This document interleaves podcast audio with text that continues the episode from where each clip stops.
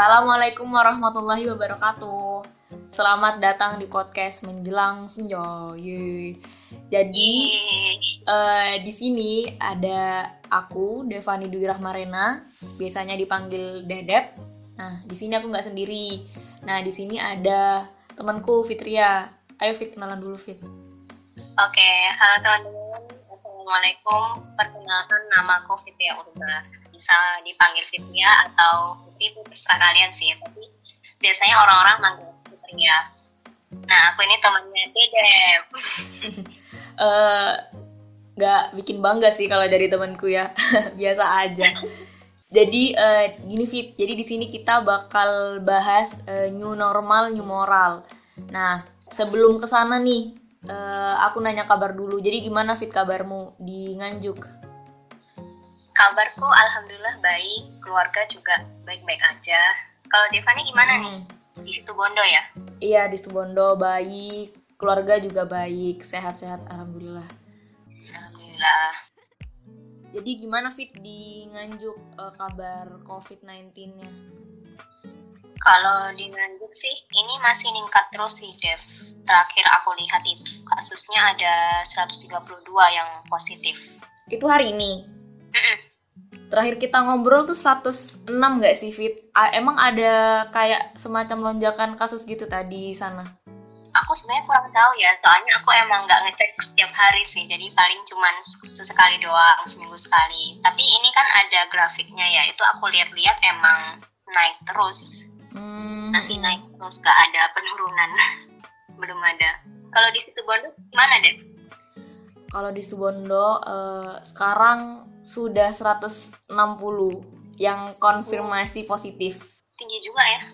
Tinggi lumayan karena pas uh, kalau nggak salah ya kalau nggak salah tuh di Ramadan atau setelah Ramadan itu terjadi uh, pelonjakan kasus gitu di satu daerah Subondo karena salah satu uh, takmir masjidnya itu uh, terpapar jadi beberapa jamaah juga terpapar. Alhasil orang-orang di rumahnya keluarganya itu juga terpapar. Yeah. jadi uh, satu daerah di sana itu uh, lockdown. Jadi kan ada kayak apa ya kan ada beberapa orang yang kerjanya di sana jadi juga beberapa juga terpapar. Ada tukang apa tukang apa gitulah. Tapi sekarang uh, grafiknya nggak yang naik drastis sih. Cuman ya naik tapi nggak sampai kayak waktu itu. Oh ya oh ya Dev. Sekarang ini kan kalau nggak salah kita udah new normal yang hak ke lima kan ya mm -hmm. di mana itu ditandai dengan pembukaan seluruh sektor kayak sektor jasa, jasa pendidikan hmm. itu kan udah mulai dibuka ya.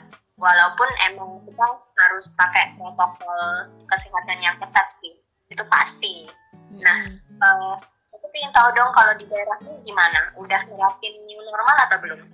Uh, jadi kalau protokol kesehatan sih kita basic ya. Jadi kayak ya sama aja sama yang daerah daerah-daerah lain. Ya pakai masker terus sedia hand sanitizer.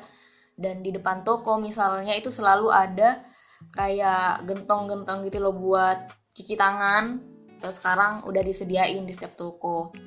Nah kalau soal PSBB atau new normal sebenarnya nggak ada perbedaan yang signifikan sih ya. Jadi uh, mungkin yang di istilahnya yang lockdown itu cuman daerah-daerah yang pernah merah yang kayak tadi aku ceritain. Jadi yang pernah terjadi lonjakan kasus itu uh, itu di lockdown. Sama uh, sempat nih ini sempat ya sempat dulu di tiap gang di Subondo itu uh, dipa dipasangi pelang gitu loh fit. Jadi uh, kalau ada orang luar yang mau masuk mungkin platnya uh, di Los Subondo atau ya orang luar itu mereka disemprot dulu. Jadi disuruh berhenti disuruh diarahkan untuk cuci tangan atau disemprot gitu pakai disinfektan mungkin ya aku kurang ngerti. Kalau di Nganjuk sendiri sih protokol kesehatan sama kayak kamu bilang standar lah ya. Eh, jaga jarak terus habis itu pakai masker. Kalau kemarin itu pas lebaran daerahku itu kayak di lockdown gitu loh. Jadi kayak ada palangnya hmm. orang luar tuh nggak boleh masuk. Bahkan aku sampai ke rumah mbahku sendiri nggak bisa. Jadi kamu nggak ini Tapi, dong nggak jalan-jalan ya, nggak lebaran. Jangan kan jalan-jalan lebaran aja enggak kok ke rumah mbahku jenguk mbahku aja juga nggak bisa kan ya baru akhir-akhir ini aja. Nah itu terjadi ya pas lebaran itu doang sih. Soalnya hmm. pas sebelum corona datang terus pas corona itu lagi lonjak-lonjaknya terus sekarang itu tuh kayak nggak terlalu ada bedanya gitu loh Dev. Tetap rame cuman uh, emang masyarakat udah mulai sadar lah udah pakai apa masker gitu-gitu. Mm -hmm. tapi kalau untuk ramenya sih tetap kebantu karena anak sekolah nggak masuk aja sih. Kan mereka online semua kan jadi iya, nggak terlalu rame untungnya. Mm -hmm. hmm, ya berarti sayang banget ya jadi pas lebaran kemarin kamu nggak dapat duit dong ya. Bokeh banget. Nggak dapat berarti kamu uh, beribadah selama di bulan Ramadan itu uh, sendiri di rumah? Atau masih ke masjid? Iya masih di rumah aja kalau pas Idul Fitrinya itu di masjid sih. Hmm. ya di masjid terus uh, kalau pas aku yang kayak mengunjungi ke satu-satu rumah -hmm. itu kan itu kita tuh kayak baris gitu di depan rumah tapi itu malah nggak efektif tau nggak sih karena itu malah kayak kita tuh bergerumbul hmm. nah kalau menurutmu uh, penerapan new normal di Indonesia itu udah tepat waktu belum sih mengingat kalau kita lihat sekarang kan uh, kasusnya kan tambah meningkat terus ya Dev ini hmm. tuh sebenarnya tepat waktu nggak sih menurutmu? Uh, sebenarnya pemerintah juga pasti didesak juga ya sama perekonomian ya karena uh, mau gimana pun uh, ke, mau keputusan yang diambil itu pasti ada resikonya lah. Yeah. Uh, semakin lama kita PSBB maka uh, ekonomi juga berpengaruh kan sama ekonomi. Nah, jadi uh, menurutku itu juga diimbangi sama kalau seandainya PSBB ini mau dibuka itu harus diimbangi sama uh, ya protokol kesehatannya. Jadi benar-benar harus disiplin kayak gitu. Jadi kan kemarin PSBB juga kita sempat bingung kan pas uh, sebelum hari raya itu loh Fit. Nah, jadi uh, kita nih lagi PSBB nih, tapi uh, kayak mall, toko dan lain-lain itu dibuka. Jadi kan kita bingung ya kayak ini nih sebenarnya kita boleh keluar nggak sih? Kalau kita uh, gimana ya kayak kita PSBB tapi mall dibuka berarti kan uh, kita dikasih excuse gitu loh buat uh, ke sana. Kayak gitu. Jadi alhasil uh, warga apa masyarakat di Indonesia juga ke mall akhirnya terjadilah gelombang yang baru lagi. Iya itu tuh kayak pas aku lihat berita-berita banyak banget yang keluar beli baju lah beli apalah gitu kan. Padahal kita kayak nggak ada lebaran kan sebenarnya. Lebaran hmm. pun harus di rumah aja. Tapi kok orang-orang tuh berani gitu loh keluar-keluar. Itu sih bikin jengkel sih. Padahal kan eh, nggak uh, terlalu urgent ya kayak gitu. Iya nggak terlalu urgent gitu kan. Tapi kenapa harus keluar-keluar? Sayang banget itu jadi kasihan banget gitu kan ngelihat tenaga medis yang udah capek-capek berusaha. Tapi kenyataannya kayak gitu rakyatnya. Tapi bener sih yang kamu bilang kita nggak bisa apa ya kita memang nggak bisa memisahkan antara ekonomi sama kesehatan sih dua-duanya itu emang penting ya makanya kembali lagi ya ke kesadaran hmm. masyarakatnya sendiri gimana benar, dan ketegasan pemerintah juga dalam uh, menerapkan protokol itu. Benar, benar banget. Pusing juga ya, Fit. Uh, tapi we forget we forget about something. Nah, kita tuh sering banget kan akhir-akhir ini kayak bahas new normal. Berharap dengan new normal ini kehidupan tuh bisa jadi normal lagi gitu loh dengan aturan yang baru. Tapi kita lupa nih sama satu hal yang harusnya udah kita nyukan sejak dulu. Apa coba? Apa ya? Gak tahu apa tuh. new moral Nah, jadi oh, kan uh, dengan ini tuh uh, kita berharapnya kayak dia jadi pendongkrak gitu loh biar new normal di Indonesia bisa berjalan dengan baik. Iya ya, benar sih yang kau bilang. Karena aku mikir juga ya, mungkin aja uh, new normal di Indonesia itu belum berjalan dengan baik karena masyarakat kan banyak yang melanggar kan. Benar, benar. Nah, salah satu yang membuat masyarakat banyak melanggar ini juga karena mungkin moralnya masih buruk contoh kayak disiplin disiplin pun termasuk karakter kan Betul. karena kita nggak terbiasa ter, nggak terbiasa disiplin akhirnya susah ketika harus disuruh jaga jarak harus disuruh uh, kalau antri itu harus bener bener bener jaga jaraknya gitu kan terus belum hmm. lagi pakai masker itu kan masih banyak yang melanggar ya hmm, bener. jadi bener sih kalau bilang tuh new moral tuh bisa jadi pendongkrak untuk apa terlaksananya new normal di Indonesia dan itu masih masalah yang itu kan kalau misalnya kita lihat sih di sekitar kita ini emang kerusakan moral ini emang lagi parah banget sih di zamannya sekarang. Kayak kerusakan moral yang ringan tuh di sekitar kita misal kayak mencontek itu kan udah marak banget ya Dev ya. Hmm. gak usah ditanya lagi. Terlambat. Nggak on time. Terlambat.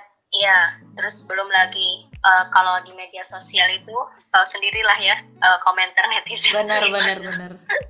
Parah banget sih sekarang uh, teknologi ya. Sampai ada yang bunuh diri karena uh, mungkin omongan-omongan yang nggak enak tapi itu baru ini ya Fit baru kerusakan-kerusakan kecil ya nah ini tuh tawuran loh tawuran pelajar yang di Indonesia itu juga cenderung naik jadi menurut KPAI sepanjang tahun 2018 nih kasus tawuran di Indonesia itu naik 1,1 persen loh.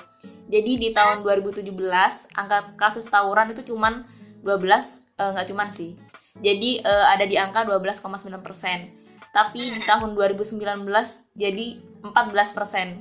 Nah ada lagi juga kayak pelecehan seksual gitu. Itu juga jadi apa ya hantu yang nyata gitu apalagi buat perempuan ya Bayangin ya Fit, di ranah anak-anak aja itu ada sekitar 570 kasus. Bahkan parahnya lagi, kekerasan seksual juga uh, ada gitu buat uh, sama perempuan-perempuan disabilitas. Itu juga meningkat ya. sampai 47%. Ini perempuan disabilitas loh. Ngeri banget sih. Parah ya ternyata ya kasus kerusakan moral di Indonesia kalau kita udah melihat data kan. Mm -mm. Karena terus meningkat ya.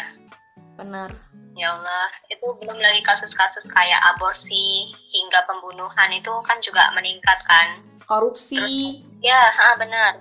Korupsi, kolusi, nepotisme itu udah benar. Makin sekarang kayaknya. Serem ya, andaikan kita bisa memilih zaman ya, Fit. kita tuh kayaknya hidup di zaman yang salah deh.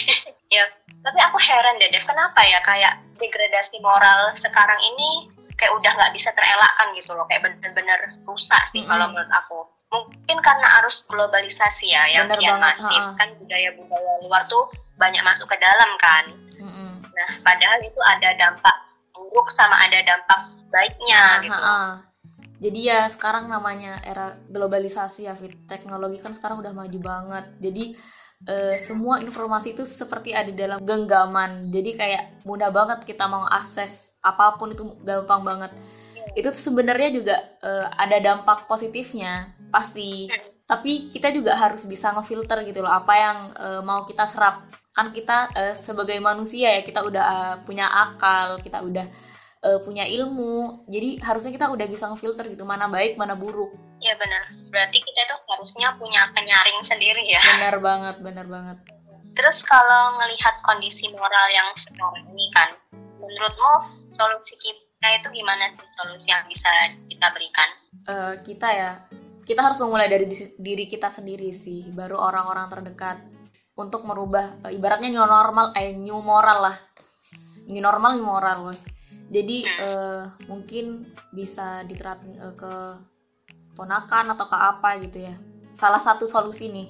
Jadi kayak kita tuh mencontohkan atau kita memberi pengertian ke adik-adik. Jadi kayak ini namanya uh, pendidikan akhlak sejak usia dini ya Fit. Jadi mungkin yeah. kita bisa uh, ngasih pengertian ke adik-adik. Kalau kayak akhlak yang baik itu kayak gini sih. Misal ya contohnya kayak mencontek nih. Sesederhana misal dia dapat nilai ujian 70 dan kita tuh ngerasa itu kurang. Ya bilang aja uh, mungkin ke depannya bisa diusah diusahakan lebih lagi. Mungkin teman-temanmu sekali berlari mereka udah bisa maka kamu harus dua kali berlari. Mungkin kayak gitu. Yang penting di itu usahanya sendiri. Dia mengerjakan itu dengan kemampuannya sendiri bukan dengan mencontek. Kalau seandainya kita banding-bandingin kayak karena apa sih kamu dapat 70 padahal temanmu uh, si A bisa dapat 95 nah dengan kita ngomong kayak gitu si anak ini tuh bisa kayak punya motivasi tapi motivasi yang buruk gitu. Dia bisa uh, menggapai goalsnya misal nilai 100 itu dengan berbagai cara. Ya kayak mencontek tadi. Nah benar sih yang kayak tadi bilang tadi Jeff emang pendidikan karakter itu penting banget sih. Kalau aku sendiri sih aku kayak kurang ngerasain pas SD dulu mm-hmm. uh, pendidikan karakternya sebenarnya ada sih kan. Dulu SD Muslim kan jadi pendidikan agama itu dari dari kelas 1 ada tapi implementasinya aja yang kurang.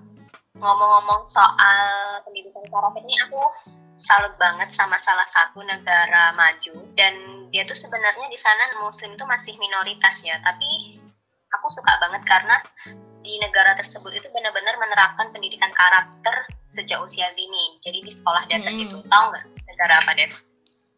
Jepang. Iya bener, Jepang. Jadi kalau nggak kelihatan ya, dari orang-orangnya. Tahun pertama sekolah itu bukanlah untuk menilai pengetahuan, tapi mereka itu kayak diajarkan apa pendidikan karakter dulu, diajarkan bagaimana cara menghargai orang lain, terus menghormati orang lain, jujur, disiplin itu benar-benar diajarkan hmm. banget.